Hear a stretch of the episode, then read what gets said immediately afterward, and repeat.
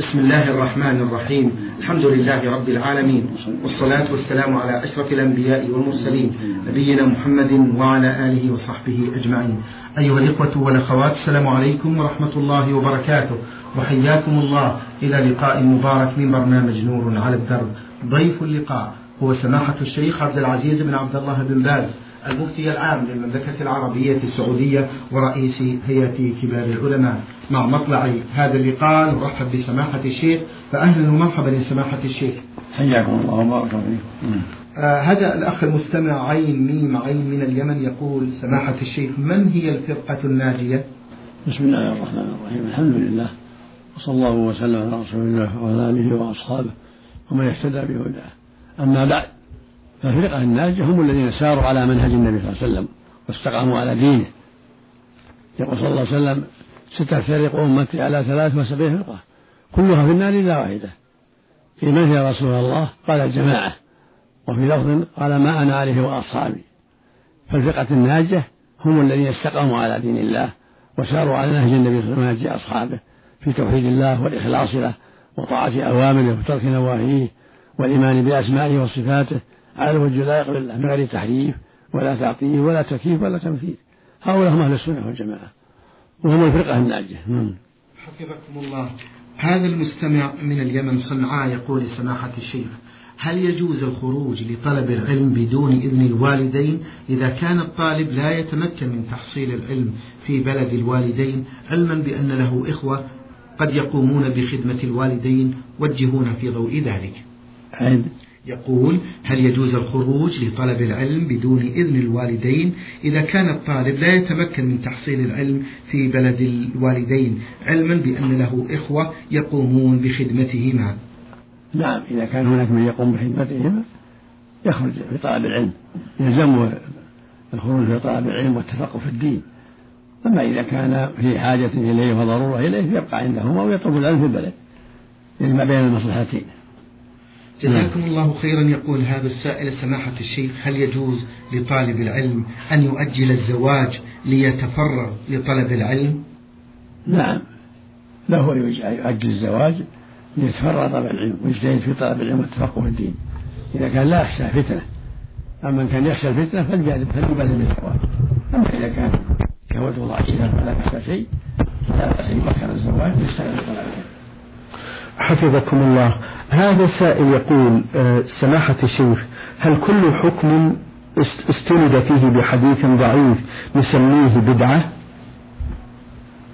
العبادات توقيفية لا لا يشرع عبادة إلا بدليل. فالعبادات اللي عليها دليل تكون بدعة. أما إذا كان فيما يتعلق بالحرام والحلال هذا الأصل حلال. ألا يعلم أنه حرمه الشرع. حفظكم الله يسأل هذا السائل ويقول لسماحة الشيخ ما حكم استقبال القبلة للمحتضر عند الموت؟ للمحتضر عند الموت. هذا هو الأفضل. استقبال القبلة هو الأفضل. المحتضر وكذلك في القبر وجه القبلة وعند الاحتضار كذلك. يقول هذا السائل سماحة الشيخ ما هو الفرق بين طول الأمل وبين النية الحسنة لفعل الخير في المستقبل؟ إذا سأل ربه أن يطيل عمره في خير فلا بأس. يقول صلى الله عليه وسلم خير الناس من طال عمره حسن عمله. فإذا طلب من ربه أن يطيل عمره في طاعة الله واتباع شريعته فلا بأس. أو أحب ذلك في طاعة الله؟ طيب. يسأل هذا السائل فضيلة الشيخ ويقول ما حكم أخذ الأجرة على تعليم القرآن والعلم الشرعي في المساجد والمدارس؟ لا حرج في ذلك. لقوله صلى الله عليه وسلم إن أحق ما أخذت أجرا كتاب الله. فلا بأس أن يأخذ أن يأخذ من المتعلم أجرة يعلمه القرآن أو يعلمه الأحاديث. نعم. يقول السائل من أسئلته يا فضيلة الشيخ هذا السؤال ما حكم الأناشيد التي تسمى إسلامية ينشدها صبيان وفي, وفي بعضها دف؟ إذا كان الأناشيد سليمة طيبة لا بأس بها. أما الدف لا الدف للنساء لا للرجال. نعم. حفظكم الله. للنساء في الأعراس وفي يوم العيد. نعم. حفظكم الله. هذا السائل من السودان الخرطوم ف سين ميم يقول قال رسول الله صلى الله عليه وسلم ستنقسم أمتي إلى ثلاث وسبعين فرقة وكلها في النار ما عدا واحدة. أرجو من سماحتكم شرح هذا الحديث. مثل ما تقدم. الأمة تفترق على ثلاث وسبعين فرقة كما قال النبي صلى الله عليه وسلم.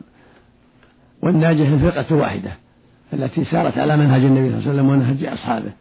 أما اثنتان وسبعون ففيهم الكافر وفيهم العاصي وفيهم المبتدع على خطر. لكن الناجية السليمة هي التي سارت على نهج النبي صلى الله عليه وسلم ونهج أصحابه. كما جاء في الحديث على من كان على ما أنا عليه وأصحابه. والآخر هي الجماعة يعني هم الذين سمعوا على طريق النبي صلى الله عليه وسلم وعلى سيرته. عليه الصلاة والسلام. حفظكم الله سماحة الشيخ هذا السائل أيضا يقول في هذا السؤال في بعض المساجد وخاصة بعد صلاة العصر يقرأ الإمام أو أحد الإخوة عدة أحاديث من رياض الصالحين في كل ليلة فهل هذا العمل من البدعة؟ ليس هذا بدعة هذا من التذكير من التذكير والتعليم لأن هذا من باب تعليم الجماعة وإرشادهم إلى ما ينبغي لهم. في المسجد بعد العصر أو بعد العشاء أو في أي وقت لتعليم الجماعة وتعليم الحاضرين هذا كله مطلوب. نعم. هذا من باب التعليم. جزاكم الله خيرا سماحة الشيخ. يقول هذا السائل في صلاة الكسوف آه، أي كسوف الشمس هل القراءة سرا أم جهرا؟ السنة الكسوف جهرا. كان النبي صلى الله عليه وسلم لما كسف الشمس قرأ جهرا عليه الصلاة والسلام في الليل والنهار. كسوف الشمس وكسوف القمر. يقرأ جهرا. نعم. يقول السائل هذا سماحة الشيخ ما حكم من يصلي وهو واضع العمامة على الجبهة حتى تصل إلى حاجب العين؟ أي أنه مغطي موضع السجود وهو الجبهة. الصلاة صحيحة لكن الأفضل أن يرفع العمامة يسجد على محل على المصلى ولو سجد على عمامته أو على طرف مشته ما لا بأس. لكن الأفضل أن تكون جبهته على المصلى. هذا هو الأفضل سماحة الشيخ يسأل هذا السائل ويقول آه، يشاهد بعد الدفن آه، بعض الناس يضع على القبر علامتان من أحجار وعلى قبر المرأة ثلاث علامات وتسمى شاهد فما حكم ذلك؟ لا بأس تعليم القبر لا بأس بما يعرفه قبر صاحبه أو زوجة أو أم أو خالة أو أب أو عم لا بأس حجر أو حجرين لا بأس. نعم. يقول السائل هل يكشف عن وجه الميت في القبر عند وضعه في اللحد؟ لا لا يكشف. يستر جميع بدنه حتى الوجه. لا وجه لا المرأة ولا الرجل. المشروع أنه يستر وجهه وغيره بالكفن ولا يكشف شيء. نعم. هذه سائلة للبرنامج تقول سماحة الشيخ هل تعتبر المسافة من جدة إلى مكة المكرمة سفر ويشترط للمرأة أن تصطحب محرم؟ المعروف أنها سفر المسافة ما بين جدة ومكة وما بين الطائف ومكة سفر فلا تروح إلا البحر بينهم مسافة. نعم. حفظكم الله.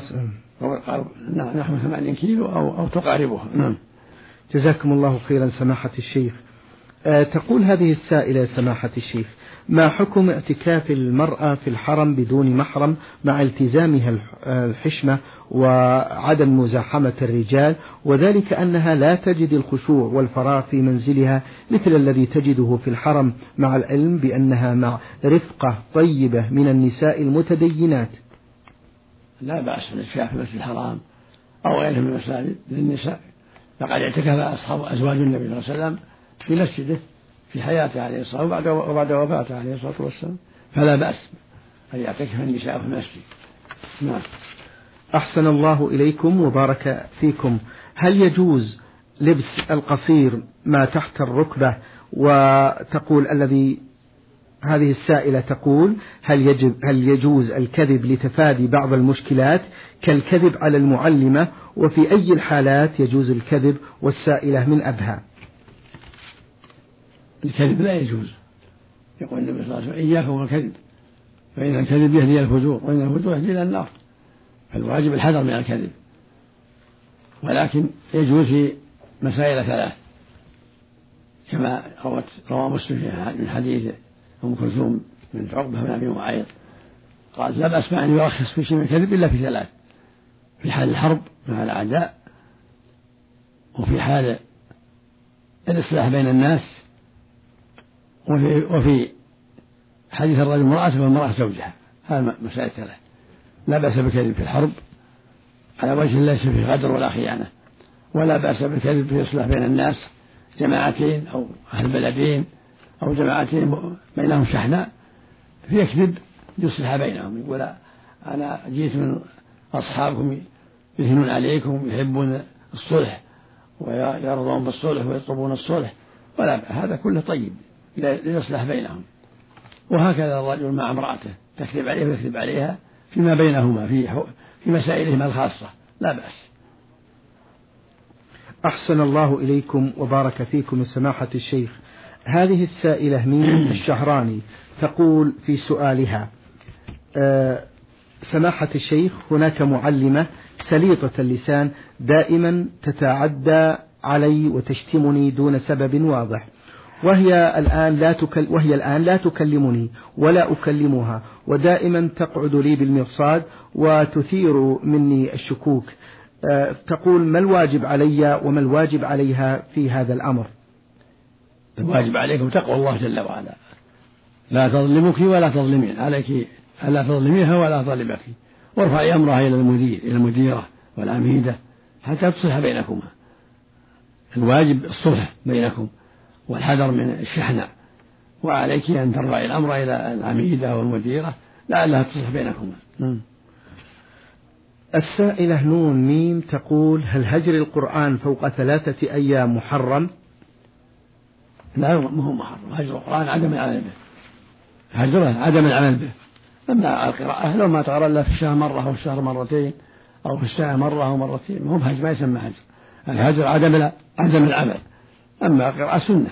كون يقرأ القرآن كل يوم أو كل أسبوع أو كل شهر أو كل شهرين الحمد لله كله سنة. هذا السائل يقول سماحة الشيخ حدثونا حفظكم الله عن المسح عن الخفين متى يبدأ ومتى ينتهي وخصوصا بأننا مقبلين على هذا الشتاء.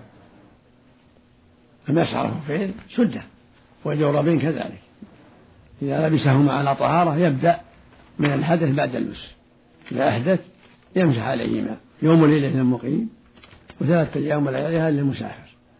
إذا كان الجورب ساتر والخف ساتر يلبسهما على طهارة ويلبس ويمسح على الخفين والجوربين يوم وليلة إن كان مقيم. بدءا من الحدث. إذا أحدث بعد اللبس لبسهم على طهارة حدث ريح أو بول أو غائط هذا المبدأ يبدأ بعده. يوم وليلة.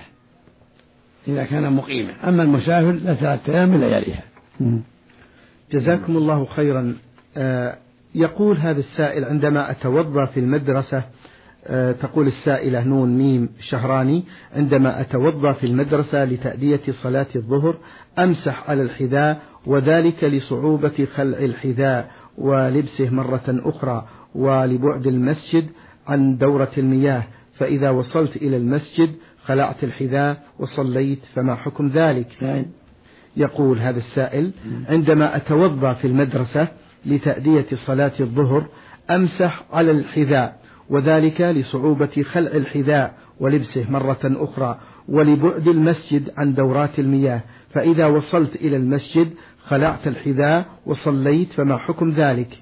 لا لا يجوز هذا. يكون باطل الوضوء.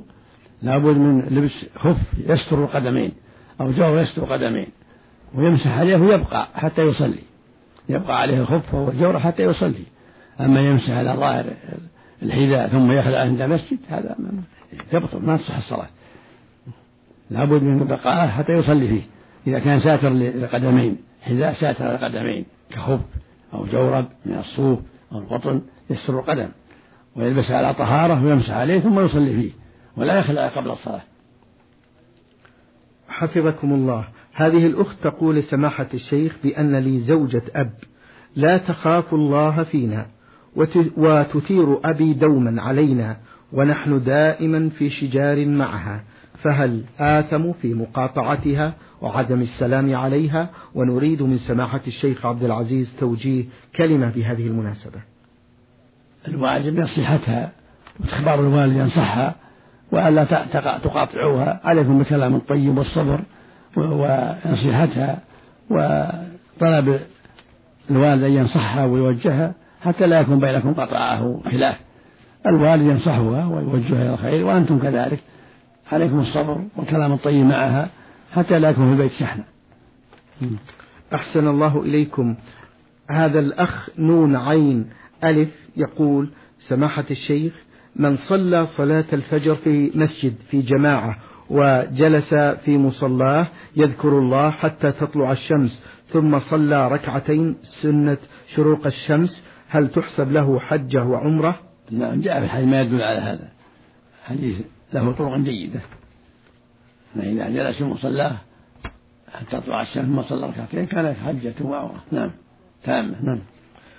الأخت السائلة عين سين عين. تقول ما صحة هذا الأثر؟ من تعلم لغة قوم أمن مكرهم؟ ليس له من كلام بعض الناس وهو من كلام النبي صلى الله عليه وسلم. من كلام بعض العلماء. نعم. حفظكم الله فضيلة الشيخ. هذه سائلة تقول فضيلة الشيخ ما هي أفضل الدعاء الذي يقوله المسلم وهو ساجد؟ رب اغفر لي رب اغفر لي. اللهم اغفر لي وارحمني. اللهم اغفر لي وارحمني واهدني وارزقني واعني اللهم يا مقلب القلوب ثبت قلبي على دينك. اللهم أصلح قلبي وعملي. اللهم اغفر لي ولوالدي. نحو الدعوات. وبالأخص رب اغفر لي رب هذا واجب. رب اغفر لي ولو مرة واحدة. والزيادة أفضل تكرير ثلاث أو سبع أو خمس أفضل. رب اغفر لي رب اغفر لي رب اغفر لي. والواجب مرة. وإذا زاد على ذلك اللهم اغفر لي ذنبي كله دقه وجله وأوله وآخره وآته وسره كله طيب. حفظكم الله سماحة الشيخ. هذا سائل للبرنامج. السائلة ميم هاء مقيمة بالسعودية تقول سماحة الشيخ أرجو توضيح هذه العبارة من كلام شيخ الإسلام ابن تيمية رحمه الله. قال رحمه الله إن القول قد يكون كفر فيطلق القول بتكفير صاحبه ويقال من قال كذا فهو كافر لكن الشخص المعين لا يحكم بكفره. حتى تقوم عليه الحجة التي التي يكفر تاركها. هل هذا يا سماحة الشيخ عام في الأقوال والأفعال الاعتقادية والعملية؟ أفتونا في ضوء هذا السؤال. نعم هذا هذا هو الصواب.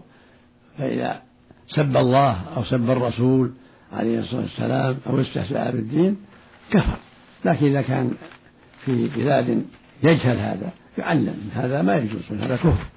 إذا كان يظن أنه جاهل بها ليس بين المسلمين بل في بلاد الكفرة بلاد غريبة عن الإسلام.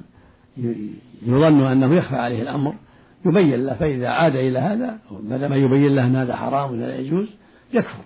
إذا سب الله أو سب الرسول صلى الله عليه وسلم أو سب الدين أو سب الإسلام يكون كفرا أكبر. وهكذا لو سجد لغير الله سجد للقبور وهو ما عنده مسلمون يفسدونه في بلاد الكفرة يعلم حتى يفهم أن هذا منكر وأن ما يجوز. كما قال الله جل, جل, جل وعلا وما كنا معذبين حتى نبعث رسولا. نعم. أحسن الله إليكم. هذا السائل يقول سماحة الشيخ آه، ما هو المشروع أثناء دعاء الخطيب في صلاة الجمعة؟ هل نؤمن على دعاء الإمام رافعين اليدين أم نؤمن على دعائه دون رفع اليدين؟ لا يرفع يديه ولا ترفع يديكم. لا يرفع هو ولا يرفع المأمون. التأمين بينك وبين نفسك وهو يدعو من دون حاجة يرفع يديه إلا في الاستسقاء. إذا كان يستغيث يرفع يديه ويرفعون أيديهم. أما الدعاء العادي في الخطب خطبة الجمعة لا يرفع يديه. لا يرفع هو ولا يرفع المأمون. لأن النبي ما كان يرفع في الخطبة خطبة الجمعة عليه الصلاة والسلام. حفظكم الله هذا هذه رسالة وصلتنا من الأردن من السائل جاهد ذيب يقول بماذا ينصح سماحة الشيخ طالب العلم أن يبدأ؟ هل يبدأ يقول في المرحلة الأولى والثانية والثالثة في متون الفقه وأصول الفقه ومصطلح الحديث وفقه الحديث والعقيدة والنحو والتفسير؟ بماذا يبدأ طالب العلم في هذه المرحلة؟ يبدأ بالقرآن يجتهد في القرآن يبدأ ثم كتب العقيدة ثم العقيدة الواسطية يحفظها كتاب التوحيد الشيخ محمد الوهاب مثل كشف الشبهات ثلاثة الأصول يحفظ هذه الكتب المختصرة في العقيدة. ثم كتب الحديث كبلغ المرام عمدة الحديث أربعين نووية تتمة ابن رجب كتب جيدة. ثم الفقه. نعم. أحسن الله إليكم وبارك فيكم. بالنسبة لفضيلة الشيخ النحو والتفسير يقول كذلك أصول الفقه مصطلح الحديث والنحو كل هذا طيب. لكن بعد بعد العناية بالقرآن والعناية بكتب العقيدة وكتب الحديث أما مصطلح الحديث يقرأ مصطلح الحديث مع الحديث. وأصول الفقه مع الفقه. والنحو كذلك يتعلم النحو لأنه يعينه على طلب العلم. هذا أخونا السائل يا سين عين له آه، مجموعة من الأسئلة. يقول سماحة الشيخ هل كفارة المجلس تكفر ما حصل من غيبة ونميمة أثناء الحديث مع الإخوة؟ سبحانك اللهم وبحمدك أشهد أن لا إله إلا أنت أستغفرك اللهم وأتوب هذه كفارة المجلس. أما الغيبة لا لا بد يتحلى صاحبها أو يدعو له ويذكر محاسنه التي يعرفها عنه في المواضع التي اغتابه فيها. هذا حق آدمي. الغيبة حق آدمي. لا بد يتحلله فإن لم يتيسر ذلك يذكره بالمحاسن والأعمال الطيبة التي يعرفها منه في المواضع التي اغتابه. ويندم ويتوب إلى الله ويندم من ذلك. يندم ويستغفر ويعزم أن لا يعود. هذه هذه توبة من الغيبة. إذا عجز عن استحلاله. حفظكم الله. سماحة الشيخ يقول السائل من الرياض هل عدم التسمية عند الوضوء تبطل الوضوء؟ جمع من أهل العلم يرونها واجبة تسمية مع الذكر إذا تركها ناسي أو جاهل ما يضر. أما التعمد لا ينبغي تعمد تركها لكن إذا ترك التسمية ناسي أو جاهل لا لا حرج عليه. يقول السائل هل عدم تحريك اللسان والشفتين في الصلاة تبطل الصلاة؟ لابد من قراءة قراءة الفاتحة. والقراءة لابد من تحريك اللسان حتى يسمع قراءته حتى يكون من قراءة. لابد من القراءة بالحروف التي يسمعها. نعم. أحسن الله إليكم وبارك فيكم. هذه سائلة مقيمة بجدة تقول هل يجوز حمل المصحف أثناء صلاة قيام الليل والتراويح للقراءة منه؟ لا حرج لو قرأ في المصحف تراويح وتحجد لا مانع. كان مولى عائشة الأكوان يصلي بها ويقرأ من المصحف رضي الله عنهما. نعم. جزاكم الله خيرا. هذه السائلة تقول فضيلة الشيخ أسأل عن اقتناء لعب الأطفال على هيئة ذات الأرواح. هل يجوز اقتناء؟ الأحوط ترك ذلك. لعموم الأدلة المحرمة للصور. الأحوط ترك ذلك. بعضها لم يرخص في اللعب ولكن تركها أحوط. يعطي الأطفال لعب ما فيها صور ما فيها رؤوس. حفظكم الله. هذا السائل علي الطيب مقيم بالمملكة العربية السعودية يقول رجل تم عقده على امرأة ولم يدخل بها وتوفي هذا الرجل فهل يجوز لابنه من بعد وفاة أبيه أن يتزوج هذه المرأة؟ لا بعقد الزواج. عليها حرمة على أبنائه وعلى آبائه. ما يجوز. صارت محرم. الله يقول جل وعلا ولا تنكحوا ما نكح آباؤكم من النساء ولو ما دخل بهم. حفظكم الله هذا السائل يقول ما حكم ختم الصلاة بصوت مرتفع سماحة الشيخ؟ ما عليه دليل. تكون قراءته معتدلة في جميع قراءاته وتكبيراته كلها معتدلة. ما يخص شيء بشيء. قراءته بس ركعات معتدلة. وتكبيره معتدل. ما يخص ركعة الأخيرة بشيء نعم. هذا السائل أيضا له هذا السؤال يقول هل يجوز رفع الصوت بقراءة القرآن في المسجد وهناك بعض المصلين يصلون بالمسجد انتظارا لإقامة الصلاة. وجزاكم الله خيرا. لا لا يرفع الصوت يشوش عليهم. يقرأ بصوت منخفض حتى لا يشوش على القراء والمصلين حوله. أخونا السائل ميم ميم يقول هل الصلاة مع الجماعة آه، واجبة أم أنها سنة يثاب فاعلها ولا يعاقب تاركها؟ فكثير من الرجال يحتجون بأن الصلاة مع الجماعة أفضل منها في البيت بسبع وعشرين درجة ولكنهم لم يأثموا لو صلوها في البيت. فماذا ترون يا سماحة الشيخ؟ الصلاة في الجماعة واجبة مع الفضل المذكور. الصلاة في الجماعة واجبة. لقول النبي صلى الله عليه وسلم سمع النداء فلم يأتي فلا صلاة له إلا بالعذر. قيل من عباس ما هو العذر؟ قال خوف أو وجاءه رجل أعمى قال يا رسول الله ليس لي قائد يقود نفسي. فهل لي من رخصة أن أصلي في بيتي؟ قال له النبي صلى الله عليه وسلم هل تسمع النداء بالصلاة؟ قال نعم. قال أجب. وقال صلى الله عليه وسلم لقد هممت وأنا آمر بالصلاة فتقام ثم آمر فيؤم الناس. ثم أنطلق برجال معهم حزم من حطب حزم من حطب إلى قوم لا شيء من الصلاة فأحرق عليهم بيوتهم. ويقول ابن رضي الله عنه لقد رأيتها وما يتخلف عنها يعني صلاة الجماعة. إلا منافق معلوم النفاق أو مريض. فكون صلاة الجماعة أفضل من صلاة البيت 27 درهم ما يقتضي جواز صلاة البيت. هي أفضل ومع ذلك واجبة. واجبة في الجماعة. ولا يجوز فعلها في البيت إلا من عذر كالمرض. جزاكم الله خيرا سماحة الشيخ. هذه سائلة للبرنامج تقول سماحة الشيخ في حالة من خيف عليه من الإصابة بالعين ماذا هل تكفي المعوذات فقط في مثل هذه الحالة أن يحصن بها؟ نعم. إذا قرئ يقول الله دون معوذتين كفى كان النبي يقرأ الحسن والحسين ويعبدهما بكلمات الله التامة من كل شيطان وهامة ومن كل عين لامة. فإذا قرئ عليهما يقول الله دون معوذتين قرئ عليهما أعيذكما بكلمات أعيذكم بكلمات الله التامة من كل شيطان وهامة ومن كل عين لامة. شان واحد ولا جماعة؟ كل هذا حسن. يسأل هذا السائل ويقول ما معنى القاعدة الضرورات تبيح المحظورات سماحة الشيخ؟ هذه قاعدة معروفة. إذا وجدت ضرورة مثل ما يباح المرأة أن تكشف عورتها للطبيب عند الحاجة تكشف وجهها عند الحاجة ويباح للرجل يكشف عورته عند الحاجة للطبيب مثل ما يأكل ميتا عند الضرورة. حفظكم الله. فضيلة الشيخ يقول هذا السائل كيف يكون تربية الأولاد وكيف يتم تعليمهم على الصلوات إذا كانوا قد نشأوا آه، نشأة غير صالحة؟ بالمجاهدة بالمجاهدة والدهم وأخوهم الأكبر حتى يستقيموا على طاعة الله. يجاهدهم بالكلام الطيب والتأديب حتى يستقيموا على الصلاة وعلى الأخلاق الطيبة. لابد مجاهدة وصبر. يقول جل وعلا والذين جاهدوا فينا لنهدينهم سبلنا. ويقول جل وعلا يا أيها الذين آمنوا قوا أنفسكم وأهلكم نارا. ويقول جل النبي صلى الله عليه وسلم كلكم راعي وكلكم مسؤول رعيته. فالإمام راعي ومسؤول رعيته والرجل راعي في أهل بيته ومسؤول رعيته. لابد من الصبر. بارك الله فيكم ونفع الله بعلمكم. سماحة الشيخ السائل ألف شين من حلب يقول هل تجوز الزكاة على زوج البنت أو على زوجة الولد إذا كانوا بحاجة؟ إذا كانوا فقراء لا بأس. إذا كانوا فقراء لا زوج البنت وزوج وزوج الخالة وزوج الأخت. نعم.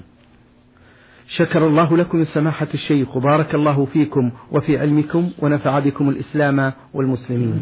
أيها الإخوة والأخوات أجاب عن أسئلتكم سماحة الشيخ عبد العزيز بن عبد الله بن باز المفتي العام للمملكة العربية السعودية ورئيس هيئة كبار العلماء.